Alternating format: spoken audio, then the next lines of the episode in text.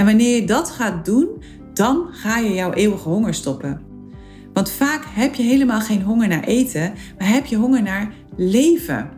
Je hebt honger naar verbinding, je hebt honger naar vervulling.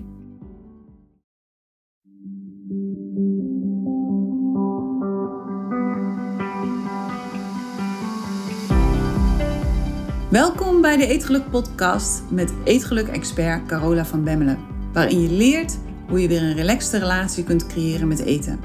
Door middel van het managen van je oerbrein en het kiezen van me first. Zodat je voorgoed gaat stoppen met snoepen, snaaien, overeten en diëten en weer trots bent op jezelf.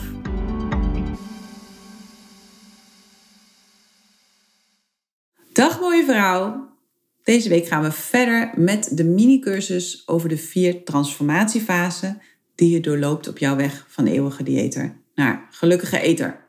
Vorige week heb je deel 1 kunnen luisteren en de week daarvoor de introductie. Dus als je er bij deze podcast invalt, luister dan zeker ook die twee delen nog even, zodat je niets mist. En voordat ik begin, wil ik je vragen of je al een review hebt achtergelaten. Zo niet, doe dat dan ook gelijk eventjes na het einde van deze podcast. Want het gaat mij ontzettend helpen om nog veel meer vrouwen te bereiken met deze podcast. Want het dieetspook moet de wereld uit. Dus laat even een review achter als deze podcast je helpt. Als je het fijn vindt om naar deze podcast te luisteren. Goed, vorige week hebben we het uitgebreid gehad over het omzetten van je zelftwijfel naar zelfvertrouwen. Als het gaat over je eetgedrag. En ik denk persoonlijk dat de meeste zelftwijfel rondom je eetgedrag wordt veroorzaakt door dieetdenken. En ik hoop dat je inmiddels begrijpt waarom het zo belangrijk is dat je daarmee gaat stoppen. Ik werd daarin zelf een paar weken geleden ook nog eens heel goed met de neus op de feiten gedrukt. Want we zijn namelijk een paar weken geleden naar Zuid-Zweden gereisd om daar te kijken naar een aantal huizen.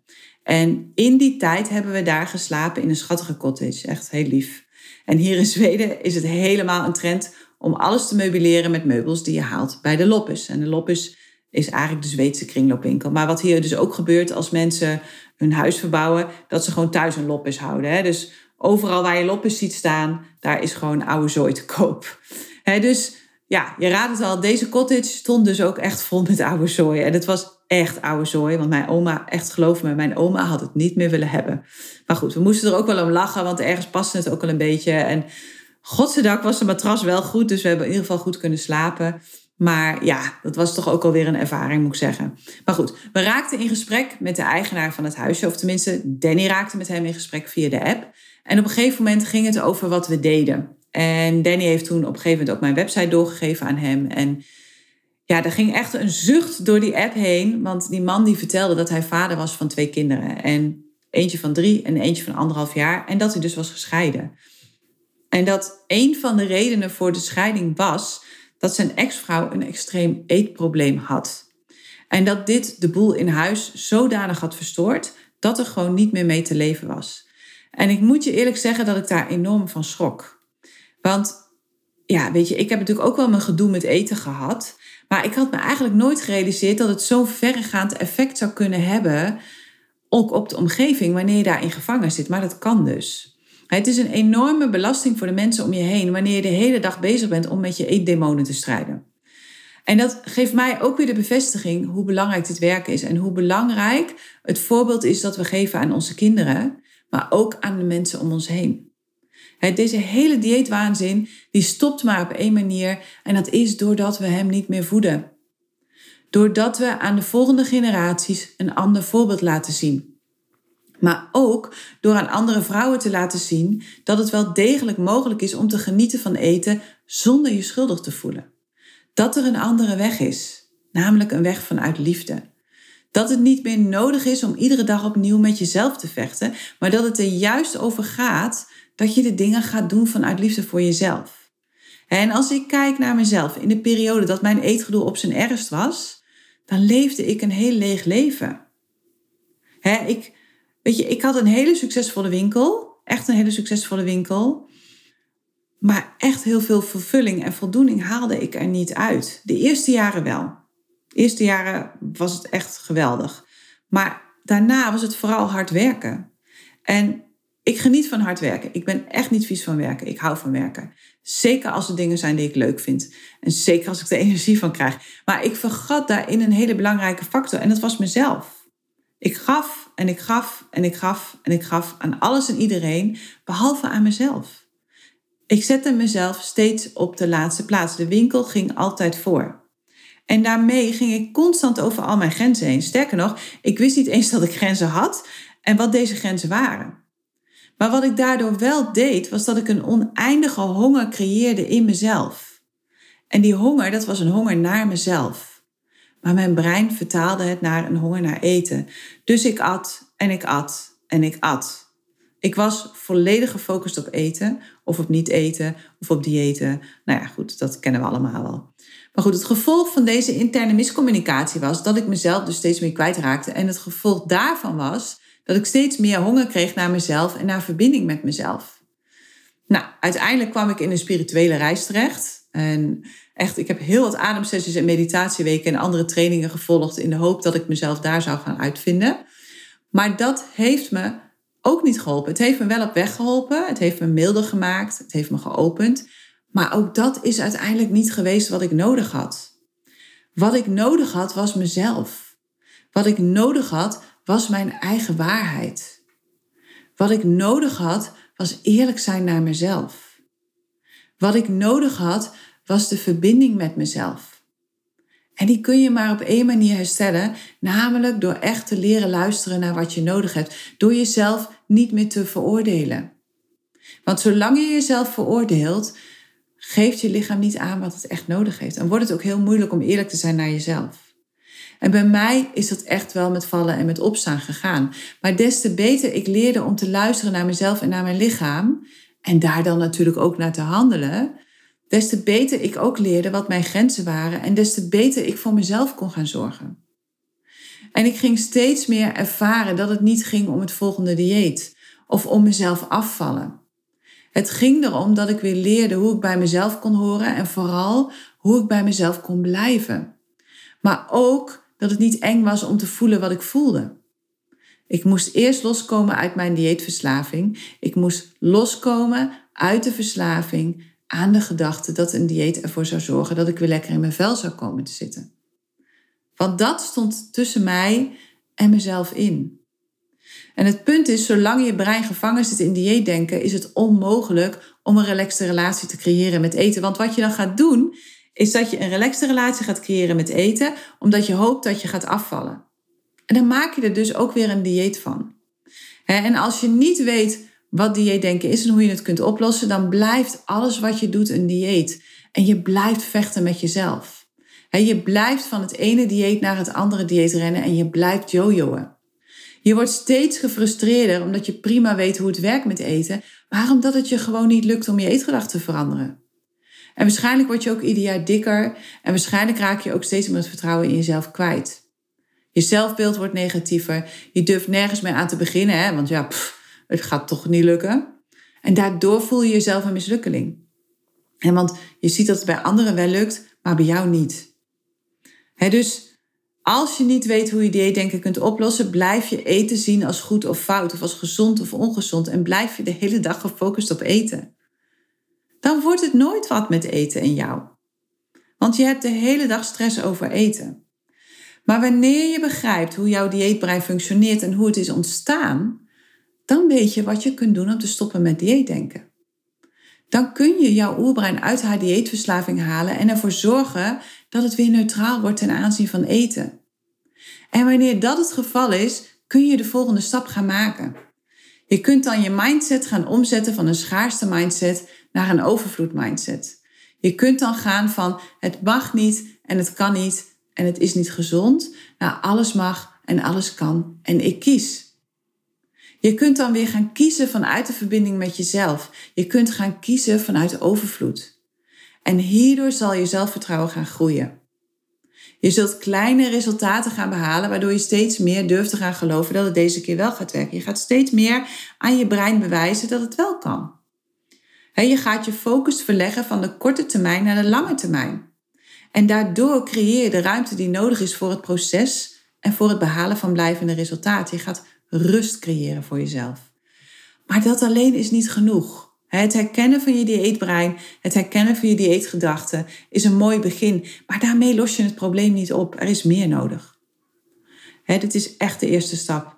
Je zult blind moeten kunnen vertrouwen op de signalen die je lichaam je geeft ten aanzien van honger en verzadiging. En je zult deze signalen goed moeten leren interpreteren.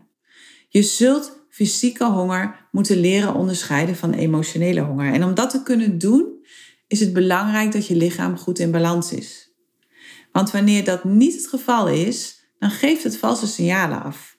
waardoor je bijvoorbeeld denkt dat je honger hebt, terwijl je net hebt gegeten. Dat kennen we allemaal. Je hebt een hele dikke vette maaltijd achter de rug en vervolgens heb je weer honger. Heb je weer zin in iets lekkers. dus je zult alle verschillende fysieke factoren die jouw eetgedrag bepalen, die zul je in je lichaam in balans moeten brengen. Denk erbij aan je, honger, je hongerbalans, je hormoonbalans, zeker na je veertigste. Aan je neurotransmitters. Dat zijn de stofjes in je brein die signalen doorgeven. Aan je bloedsuikerspiegel, je honger- en verzadigingscentrum. al die verschillende eetfactoren in je lichaam zul je in balans moeten brengen. Zodat je, wanneer je een signaal krijgt van ik heb honger, daar ook echt op kunt gaan vertrouwen. je zult na al die decennia van zelfverwaarlozing, zelfmishandeling, uh, jezelf negeren, echt weer oprecht goed voor je lichaam moeten gaan zorgen. Het is echt gebeurd met jezelf uithongeren, met jezelf uitputten, met allerlei chemische voeding eten. Maar ook met jezelf zo volstoppen iedere dag dat je lichaam overbelast is met de verwerking van alles wat je eet. Vanaf nu ga je je lichaam weer behandelen met het respect dat ze verdient. Je gaat haar voeden met liefde en je gaat haar voeden vanuit liefde. Je gaat haar voeden met voedende voeding op alle gebieden van je leven. Met natuurlijk voedsel, maar ook met fijne mensen om je heen. Met een baan of met activiteiten waar je blij van wordt. Met een klerenkast vol met kleding die je past en die lekker zit. En die leuk staat. Die past bij jou. Met verse bloemen in je huis. Met inspirerende boeken en muziek. Met fijne manieren van bewegen. Het maakt niet zoveel uit wat je doet als je jezelf maar gaat voeden met liefde en vanuit liefde op alle gebieden van je leven. En wanneer je dat gaat doen, dan ga je jouw eeuwige honger stoppen. Want vaak heb je helemaal geen honger naar eten, maar heb je honger naar leven. Je hebt honger naar verbinding, je hebt honger naar vervulling. Ik zit nu op dit moment de, op Netflix de documentaire te kijken over de Blue Zones. En wat daar steeds weer in naar voren komt, is dat het gaat over community, dat het gaat over purpose. dat het gaat over verbinden met elkaar. En eten speelt zeker een rol, maar het is lang niet zo'n belangrijke rol als de rol die community speelt. En dat is waar veel mensen behoefte aan hebben. En wanneer je stopt met jezelf te verwaarlozen en wanneer je steeds beter voor jezelf gaat zorgen, dan komen al je hongersystemen uiteindelijk in balans. En daardoor wordt het steeds makkelijker om je lichaam te lezen, om de taal van je lichaam te begrijpen. Waardoor je jezelf kunt gaan geven wat je echt nodig hebt en je jouw lichaam uit de spiraal gaat halen van oververlangen en overhonger en overeten en overgewicht. He, want wat er namelijk gebeurt is dat al ons eten zodanig geconcentreerd en bewerkt is dat het zorgt voor een enorme beloning in je brein. Waardoor je een oververlangen krijgt naar eten. En dat zorgt er niet alleen voor dat je er meer van wilt, het zorgt ervoor dat ja, ook je honger- en verzadigingscentrum kapot gaat. Waardoor je een overhonger krijgt. En waardoor je gaat overeten en blijft eten terwijl je eigenlijk vol zit. En dat zorgt er uiteindelijk voor dat je hormoonbalans volledig verstoord raakt, waardoor je overgewicht en allerlei andere fysieke en mentale problemen gaat krijgen. dus het is heel belangrijk dat je overstapt van leeg voedsel en een leeg of onbevredigend leven naar volwaardig voedsel en een vervuld leven. Naar een leven waarin je weer voor jezelf zorgt en jezelf iedere dag opnieuw voedt, letterlijk en figuurlijk. En je zult de spiraal van oververlangen naar overhonger, naar overeten en overgewicht moeten gaan stoppen en moeten gaan keren. Je zult weer terug moeten naar een normaal verlangen, naar normale honger, naar normale hoeveelheden eten en naar een normaal gewicht. Nou, binnen de Eetgeluk Universiteit heb ik daar natuurlijk een aantal middelen voor om je daarmee te helpen. Onder andere de suikerdetox van 10 dagen. En daarin gelden natuurlijk ook weer regels om te voorkomen dat je hier niet weer het volgende dieet van maakt. Het is dus ontwennen van suiker vanuit de intentie om goed voor jezelf te zorgen. Niet vanuit de intentie om af te vallen. En die reset, die is belangrijk, omdat je, het helpt je gewoon om je te leren onderscheiden wanneer je echt fysiek honger hebt en dus ook echt brandstof nodig hebt en wanneer je emotionele honger hebt en dus eet omdat je iets niet wil voelen. En dit is echt een hele belangrijke vaardigheid die je moet leren als je een gelukkige eten wilt worden, om dat te kunnen onderscheiden. Want bij fysieke honger is het prima om je lichaam te voeden, maar wanneer het gaat over emotionele honger, dan is er echt iets anders nodig. dus wanneer je niet in staat bent om dat verschil waar te nemen, dan zul je blijven eten uit emotie en je zult altijd meer en ongezonder eten dan je nodig hebt. Je zult jezelf blijven saboteren en het vreedstemmetje in je hoofd zal blijven focussen op eten. Het blijft herrie in de bovenkamer. dus als je niet leert hoe je op de juiste manier kunt stoppen met overeten, dan blijf je gevangen in de spiraal van, ik zeg het nog maar een keer, oververlangen, overhonger, overeten en overgewicht. En dan blijft het lastig om de suikers te laten staan of om minder suikers te eten. Je houdt dan pieken en dalen met eten en je blijft eten om het eten. Het blijft lastig om buikhonger en breinhonger van elkaar te scheiden. Het blijft lastig om maat te houden met eten. En waarschijnlijk blijf je dan gewoon veel meer en veel vaker eten dan dat je nodig hebt. Als je niet leert hoe je op de juiste manier kunt stoppen met overeten, hou je de hele dag onrust in je hoofd als het gaat over eten. En blijven je hormonen alle kanten opvliegen en heb je er veel meer last van dan nodig is. Je blijft je emoties en je vermoeidheid wegeten. En je zult periodes blijven houden waarin je een gezond eetpatroon hebt en periodes waarin je alles weer overboord gooit. Het blijft lastig om het snijden tussendoor onder controle te krijgen. En er blijven gewoon disbalansen in je lichaam, waardoor je valse hongersignalen krijgt. Het, wordt, het is eigenlijk onmogelijk om daaruit te stappen. Het is onmogelijk om een relaxte relatie te creëren met eten als dat hele zooitje niet in balans is. Dat wordt echt heel ingewikkeld, omdat je blijft twijfelen van ja, heb ik nou echt honger of heb ik nou emotionele honger? Ja, het voelt wel als honger, ja, maar ja, het kan ook wel vanuit de emotie komen. Ja, maar ik heb ook wel zin in iets. Ja, mm, mm.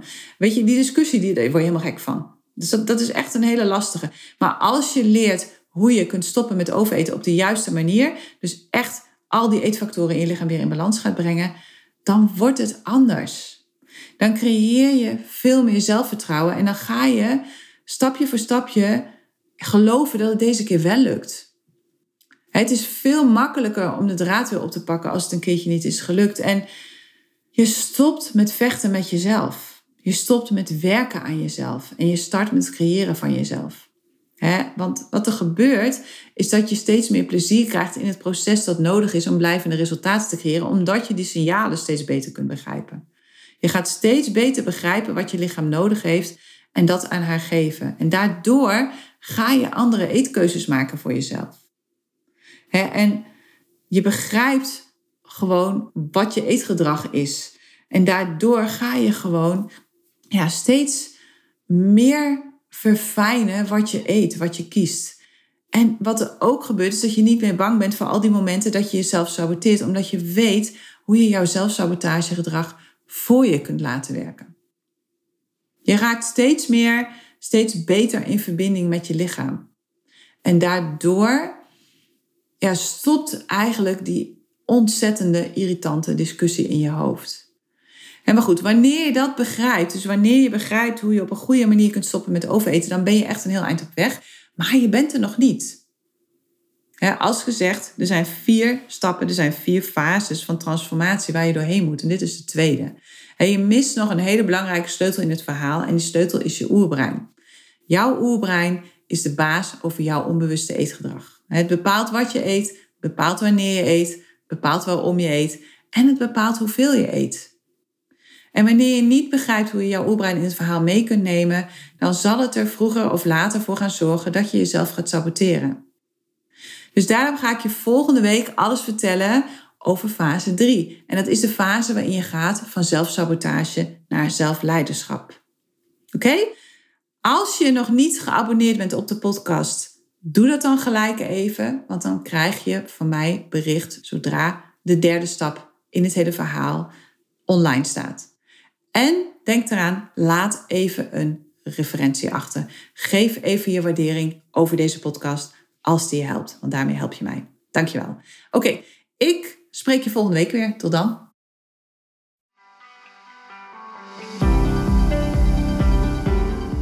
Hey, als je het fijn vond om naar deze podcast te luisteren, deel hem dan vooral met alle andere vrouwen in jouw omgeving waarvan je denkt dat ze er wat aan kunnen hebben. En help me door een recensie achter te laten op het platform waarop je luistert. Laten we er samen voor gaan zorgen dat de huidige dieetmaatschappij gaat stoppen. Want dat is echt heel hard nodig. Wil je dat doen voor me? Ik reken op je.